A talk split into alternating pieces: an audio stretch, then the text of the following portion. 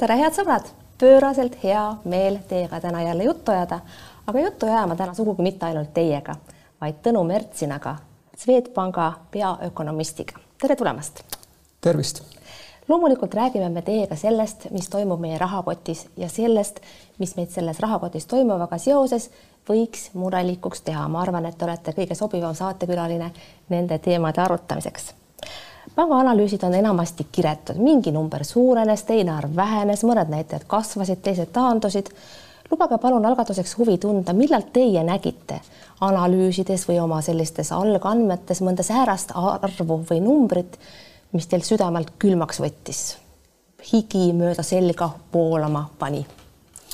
No päris selliseid ootamatusi, kui sellised, mis viimasel ajal niisuguse šoki oleks tekitanud, võib-olla ei ole päris olnud. Äh, teise kvartali Eesti skp kasv oli oot, alla, alla ootuste null koma kuus protsenti. ja muidugi, kui rääkida mitte nüüd konkreetselt ühest konkreetsest kuust või konkreetsest näitajast, aga sellest, kuhuni meil inflatsioon jõudnud on, täpselt oli, et see oli, see oli küll selline, selline selline number, mis oli tegelikult ikkagi veel aasta alguses ootamatu tõepoolest, inflatsioonist tahaks ekstra rääkida, sest see on just see, mis meie rahakotis neid kuritegusid toime paneb ja nende mõju kardetavasti on pikaajaline. aga algatuseks ja võib-olla sellise kõrvalepõike korras hästi lühidalt, miks pangad üldse kõik teevad majandusprognoose? rahandusministeerium teeb, Eesti Pank teeb, igasuguseid analüüse on terve maailm täis. kas teete neid sellepärast, et oleks hea teistega võrrelda ja vaadata, kellel siis mõni komakoht täppi läks ja kellel natukene vähem? Iseenesest on hea, kui majandusprognoose teevad e, mitu asutust.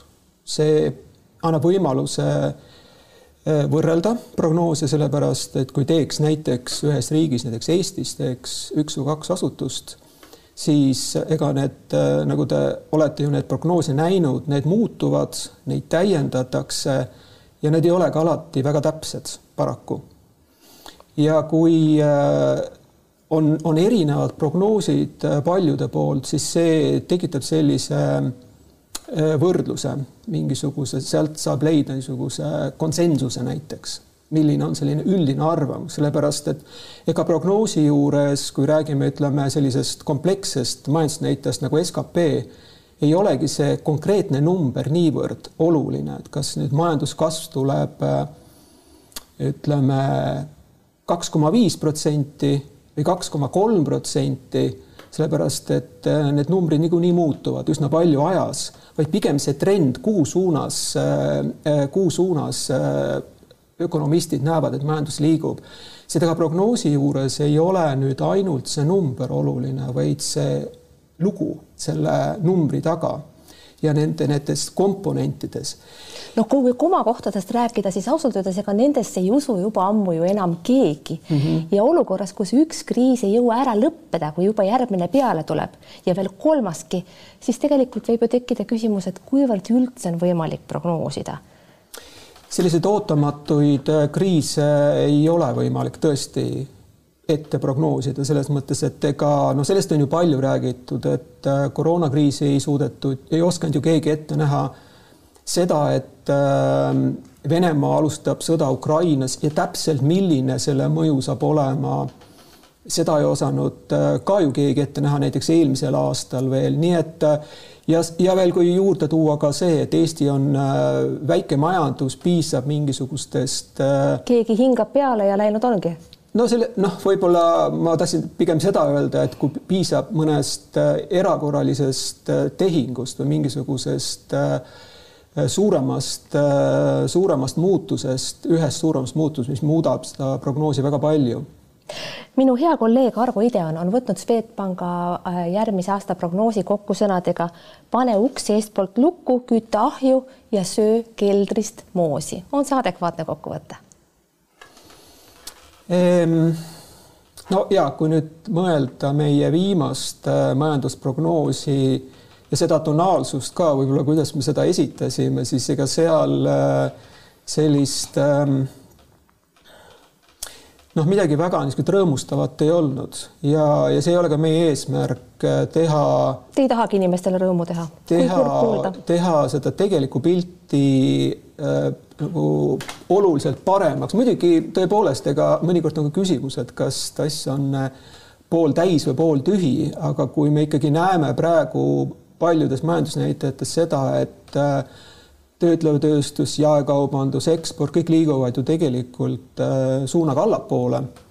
ostujõud on juba languses juba eelmise aasta lõpust, nii et äh, äh, siin ega siin sellist väga head väljavaadet lähemaks ajaks on raske leida arusaadav, aga mulle tundub, et kas võib-olla mõnikord ei või need õnnetuse ennustused ja ja pidevad jutud sellest, kui õudne see talv tuleb, mis meid ees ootab, natukene olla ka isetäituvad, et kui ikka, kui ikka pidevalt korrutada, siis tekib säärane foon ja inimesed jäävad uskuma ja majandus viimati ka, et kõik on väga halvasti, ainult hullemaks läheb.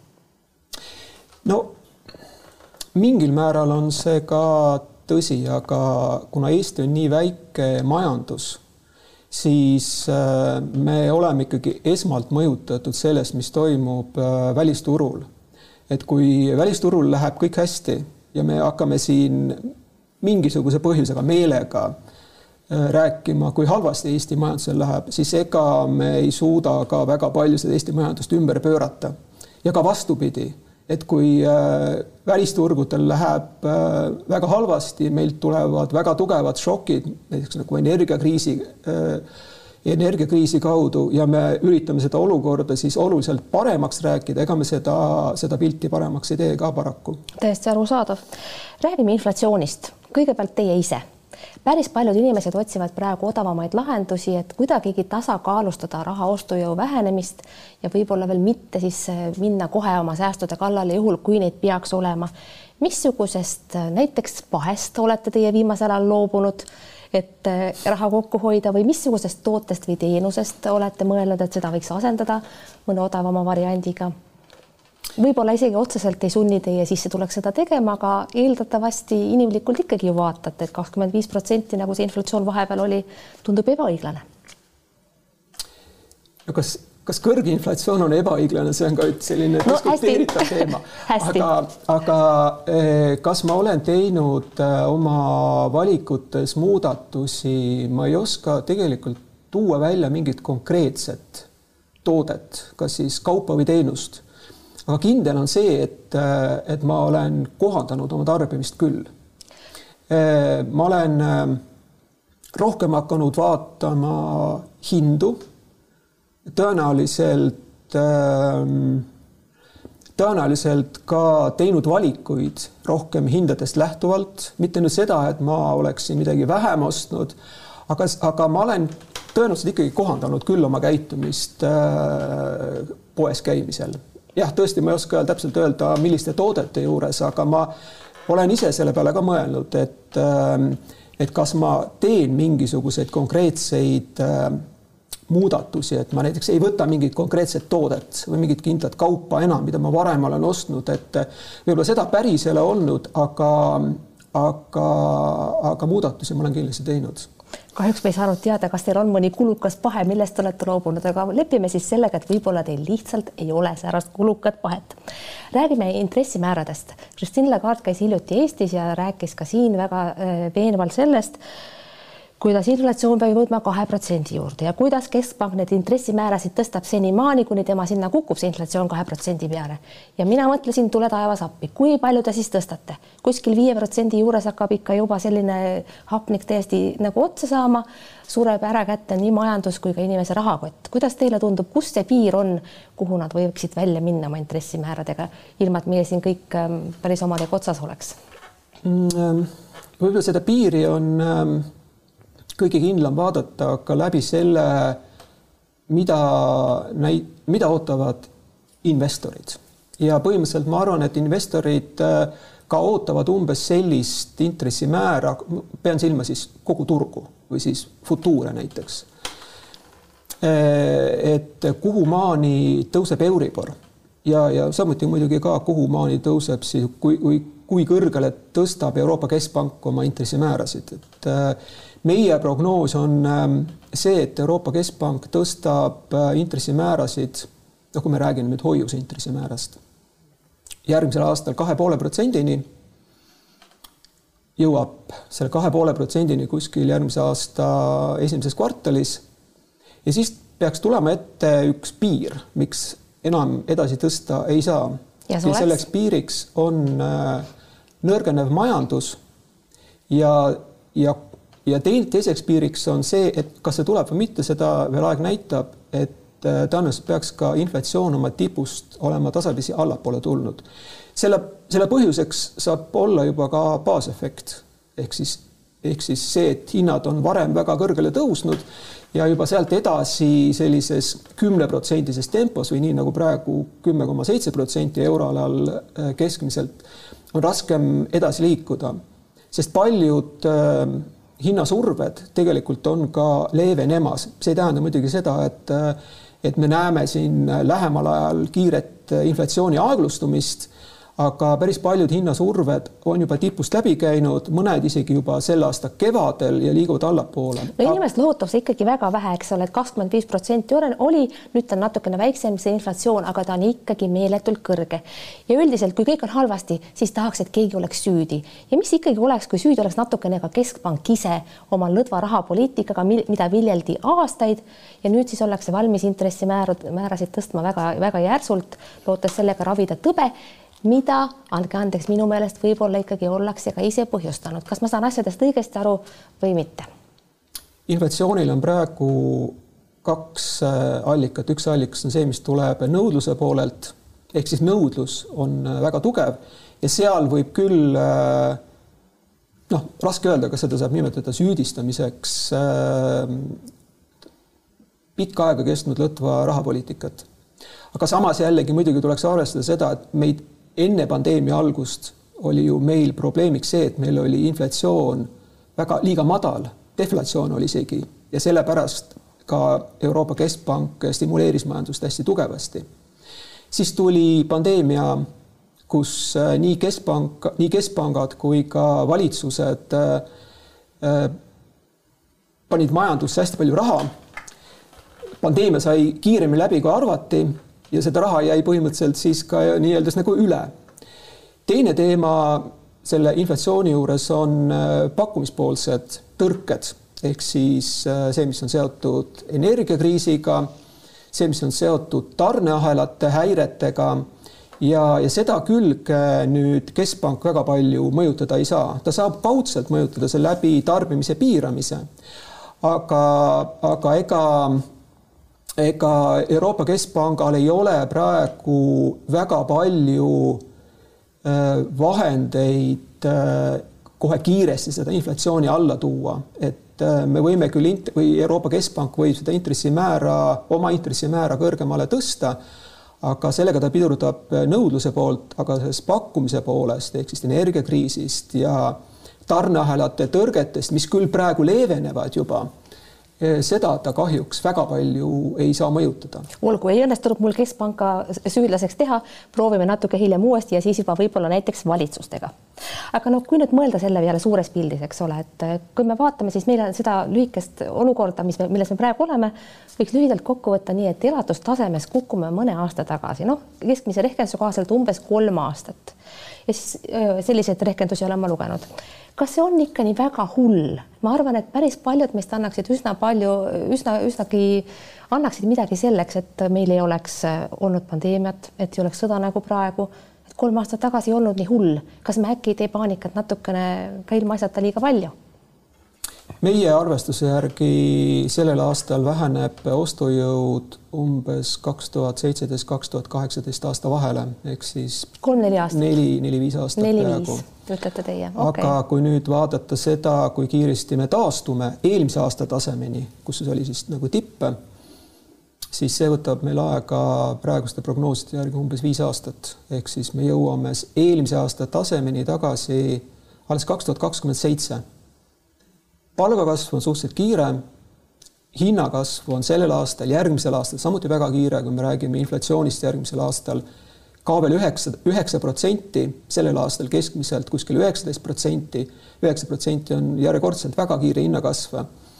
et, et lihtsalt see näitab seda, et see aeg mida me oleme siis oma ostujõu kasvatamises kaotanud, on päris pikk ehk siis Sest... ikkagi see häda on üsna pikk ja piinav ja, ja hajub, hajub, hajub laiali pikema perioodi peale. muide, te olete rehkendustesse arvestanud sisse, et sõda lõpeb varem või hiljem, eks ole? Ei ole, me ei ole. oleme teinud oma prognoosi sellise mõttega, et me ei tea, mis sõjast saab. me oleme võtnud. Te ei ole seda üldse arvesse võtnud, aga see on väga oluline muutuja või mulle? on, sellepärast, aga on, see on väga oluline muutuja. aga me oleme võtnud sellise vaikimisi prognoosis sellise eelduse, et, et me võtame sõda sellise staatus quo'na nagu noh, põhimõtteliselt sellise nagu, nagu ta praegu nagu on, sest praegu on. prognoosida nüüd sõja lõppu mingisugusele ajale, me ei oska seda, ma arvan, et keegi ei oska seda. Ja, ja see tegelikult teeks selle prognoosi veel rohkem valemaks, kui me tuleksime välja sellise väitega, et sõda lõpeb vot sellel ajal. Või sõda lõpeb viie aasta pärast, sõda lõpeb järgmisel aastal, et see teeb selle prognoosi veel rohkem valemaks hästi, ma tahaksin lauda võtta ühe kognitiivse dissonantsi, mille üle ma murdsin pead terve eilse päeva ja ma ei arva, et me teiega selle siin ära lahendame, see küsimus on keeruline ja kompleksne, aga me peame rääkima vaesusest. ERR ja paljudki teised väljaanded noppisid üle Statistikaameti rehkendused suhtelise vaesuse suurenemise kohta. Ja vaatasin mina seal seda Eesti kaarti, mõtlesin tulevaste valimiste peale, milleni me täna eeldatavasti ei jõua, aga ikkagi väga suur on see suhteline vaesus, kolmkümmend kaheksa protsenti Ida-Virumaal, kõige väiksem Tallinnas, aga sealgi oli see eh, kaheksateist ehk siis see suhteline vaesus on Eestis ikka väga suur ja selle taustal me oleme pidanud pikki aastaid kuulma jutte, kuidas nii hästi me ei ole kunagi elanud. kuidas ma peaksin siis nüüd sellest aru saama? Ehm, no Eestis on ähm, äh, küll jah, paraku suhteliselt väike osakaal inimesi, kelle sissetulek on saab pida- sa,, saaks lugeda, et kelle sissetulekud on nagu kõrged ja kui me vaatame ka näiteks pangahoiuseid, et äh, ka pangahoiused on tegelikult äh, rohkem kontsentreeritud kõrgemate, pangaportfell on, hoiuste portfell on kontsentreeritud rohkem suuremate hoiuste poole. et tõepoolest nii see paraku on, et, et kui me vaatame ka Tallinnas reede-laupäeva õhtuti, kuidas restoranid on inimesi täis, kuidas äh, spaades on nädalavahetusel äh, tunglemine, siis see ei näita paraku kogu pilti Eesti majandusest. et Eestis on paraku tõesti äh, väga palju selliseid inimesi, kes tulevad ots otsaga kokku. ja, ja see, see jah, paraku ei ole, see ei ole kahjuks väga hea, hea näitaja Eesti majanduse kohta. aga samas jällegi, kui me vaatame Eesti keskmist palka ja Eesti sellist üldist edulugu, meie tööturgu, meie majanduse kasvukiirust, meie inimeste üldist võimekust äh, kasvõi reisida, osta endale, teha, noh, osta, osta endale äh, kestvuskaupu, siis see on ju väga kiiresti muutunud, et äh, majandus ei käi kahjuks või, või õnneks või kahjuks Äh, selline areng väga kiiresti. ehk siis lühidalt kokkuvõttes rikkus ja vaesus on alati olnud suhteline ja on seda ka praegu? ja samas, äh, kui me nüüd võrdleksime ütleme selliste kõrgemate sissetulekuga inimeste sissetulekuid ja, ja, ja siis madalamate inimeste sissetulekuid, kui palju selliseid inimesi on, siis ega Eestis see sissetulekute erinevus kindlasti ei ole siin Euroopa kõrgeim, et äh, meil on see pigem läinud ikkagi siin viimaste või ütleme siin viimase kümne-kahekümne aastaga järk-järgult allapoole. hea seegi.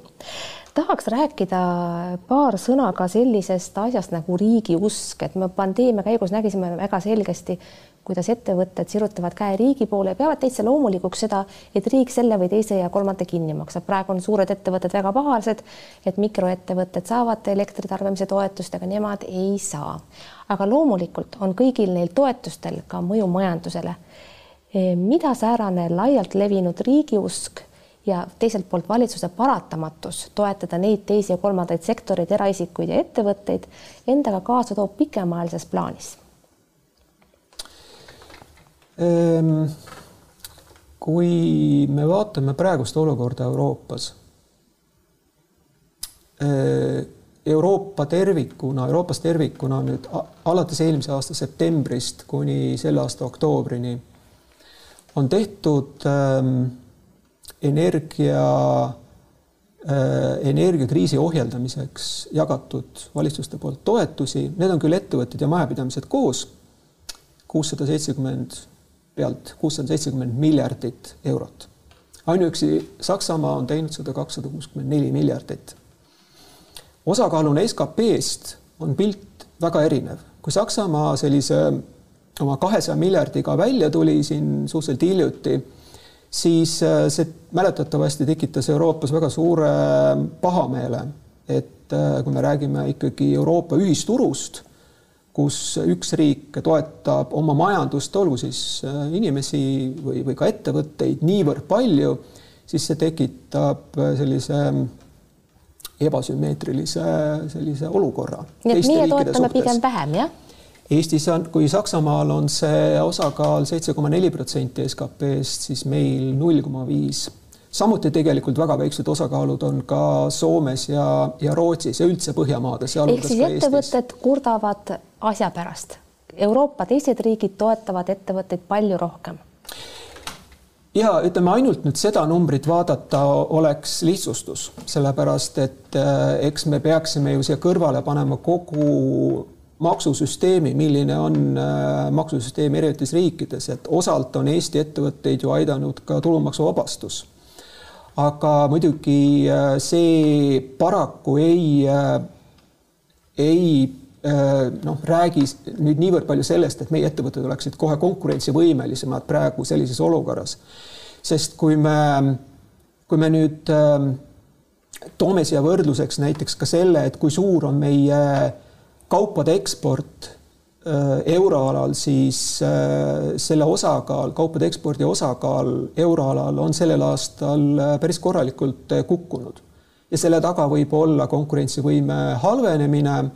ettevõtted ise ütlevad samuti, et nende konkurentsivõime sellel aastal on kiiresti halvenenud ja see see kõver on isegi liikunud allapoole seda taset, mis me näg-, mida me nägime kaks tuhat, kahe tuhande üheksandal aastal. ehk siis, kui valitsus oleks ettevõtjate suhtes pisutki empaatilisem ja toetaks neid rohkem, oleksid Eesti ettevõtjad Euroopas konkurentsivõimelisemad, see on kokkuvõte? põhimõtteliselt küll, aga siia kõrvale tuleks panna ka kohe meie riigi rahanduse seisu. no me oleme miinuses, aga, oleme... aga see kuulevad kuuldavasti paratamatu muretsegu Eesti Pank palju tahab.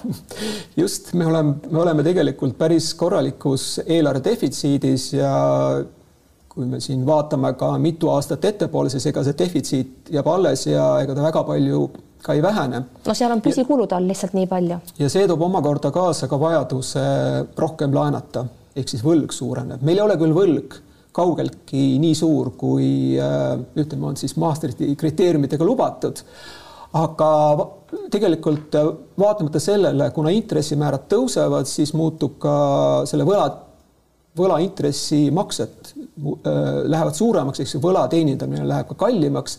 et kui me nüüd mõtleme, mida me saaksime oma majanduses rohkem lubada selle arvelt, kui me maksame võla eest intresse, siis, ähm, siis võib-olla teeb selle, selle, selle, selle olukorra suhteliselt nukraks teine asi muidugi oleks see, et kui me võtame laenu ehk siis suurendame võlga ja investeerime selle kuhugile väga tootlikusse, tootlikusse mm, kapitali, aga praegu paraku see ei paista nii olevat Tõnu Mertsina, ma saan aru, et ei ole häid sõnumeid ja kui neid ei ole, siis ei saa neid ka kommunikeerida, pole parata, ees seisavad rasked aastad. kõige lõpuks tahaksin ma ikkagi minna ka isiklikuks, sest kuidas me selle saate muidu saame ära lõpetada, kui pole isiklikuks läinud. mina vaatan alati teiesuguseid inimesi ja mõtlen selle peale, et teadmised, kogemus, te olete seal Swedbankis olnud juba rohkem kui kümme aastat, kogu teie CV on, on selles sektoris, mis soosib tegelikult äh, nende teadmiste kasutamist ka iseenda huvides ja vaatan mina siis järele, peale korteriühistu pole teil mitte mingisuguseid osalusi ettevõtetes. vaatan aktsiaraamatusse, tule taevas appi, investeeringuid vähemasti siin Eestis alla tuhande euro. miks ometi ei kasuta te oma teadmisi isikliku heaolu parandamiseks, kas teil on lihtsalt palgatöölisi hingeelu või on asi milleski muus? nii, natukene täpsustan, te olete küll korralikku kodutöö teinud, aga äh, kümme aastat saab mul nüüd selle aasta ja tuleva aasta, tuleval jaanuaril Swedbankis, aga noh, enam-vähem. korteriühistus ma ei ole ka enam, ma olin seal küll aasta aega, mind pehmelt öeldes meelitati sinna ja ma tulin sealt, tulin sealt ära. lihtsalt puhtalt sellepärast, et, et, et ega seal oli väga palju tegemist ja.... korteriühistu kõige, maailma kõige tüütum asi, ärme sellest räägime üldse. Aga, aga räägime sellest, miks teil pole investeeringuid. aga mis puudutab nüüd selliseid investeeringuid äh, mul on ikkagi tegelikult. mul Teil on pole... palju Swedbanki investeeringuid Teil on selliseid investeeringuid, mis pole avalikult näha? võib-olla ma ei oska öelda täpselt, milliseid allikaid te vaatasite ja mis puudutab ka nüüd eh, nüüd selliseid lisa, lisategemisi Swedbanki kõrval, siis ma üsna palju ka käin ülikoolides äh, loenguid lugemas. No me teame, sellega rikkaks ei saa. Sellega rikkaks ei saa, aga, aga see ei ole ka nende loengute juures üldse minu jaoks peamine eesmärk. Hästi, jätame teie isikliku rahakoti tänaseks rahule ja lõpetame saate siinkohal ära. suur tänu, et te tulite juttu ajama, head sõbrad. aitäh, et te vaatasite, järgmine saade on juba järgmisel nädalal, olge vahepeal terved, jääme kuulmise ja nägemiseni